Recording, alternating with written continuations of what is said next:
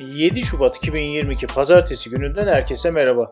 Ben Gökhan İnce. Köşe Yazıları programının 16. bölümüyle karşınızdayım. Programımızda 5-6 Şubat 2022 tarihlerinde çalışma hayatına ilişkin olarak yayınlanmış köşe yazılarına başlıklar halinde yer verilecektir. SGK 4.0 Radyo'yu takip etmeyi, beğenmeyi ve bildirimleri açmayı unutmayın. 5 Şubat 2022 tarihli köşe yazıları. Ahmet Metin Aysoy. Sanatçılar işsizlik ödeneğinden faydalanabilir mi? Berker Bostancı. 1 Ocak 2022 30 Haziran 2022 tarihleri arasında uygulanacak kıdem tazminatı tavanı.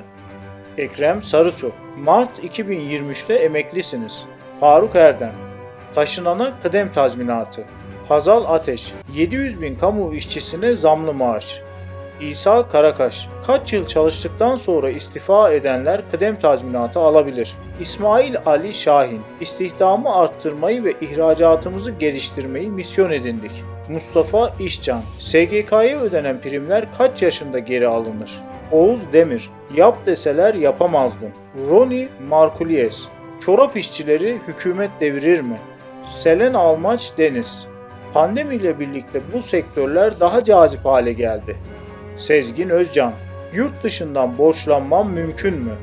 6 Şubat 2022 tarihli köşe yazıları Ali Şerbetçi Çalışana yemek ve yol ücreti zorunluluğu Ahmet Ünlü Memurların hayatına yön veren 14 kritik kural Ekrem Sarısu İstediğiniz zaman emeklisiniz Faruk Erdem Beste devlet katkısı artarken yaş şartı kalktı.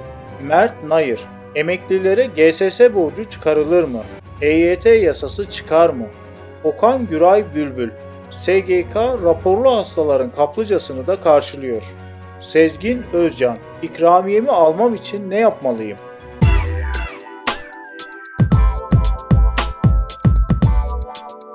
Ben Gökhan İnce. Programımızda yer alan köşe yazılarının tamamına e-posta bültenimiz üzerinden erişebilirsiniz. SGK 4.0 Radyo'yu takip etmeyi, bildirimleri açmayı ve beğenmeyi unutmayın. Görüş, öneri ve yorumlarınızı sosyal medya hesaplarımız üzerinden bizlere ulaştırabilirsiniz. Bir sonraki yayında görüşmek üzere.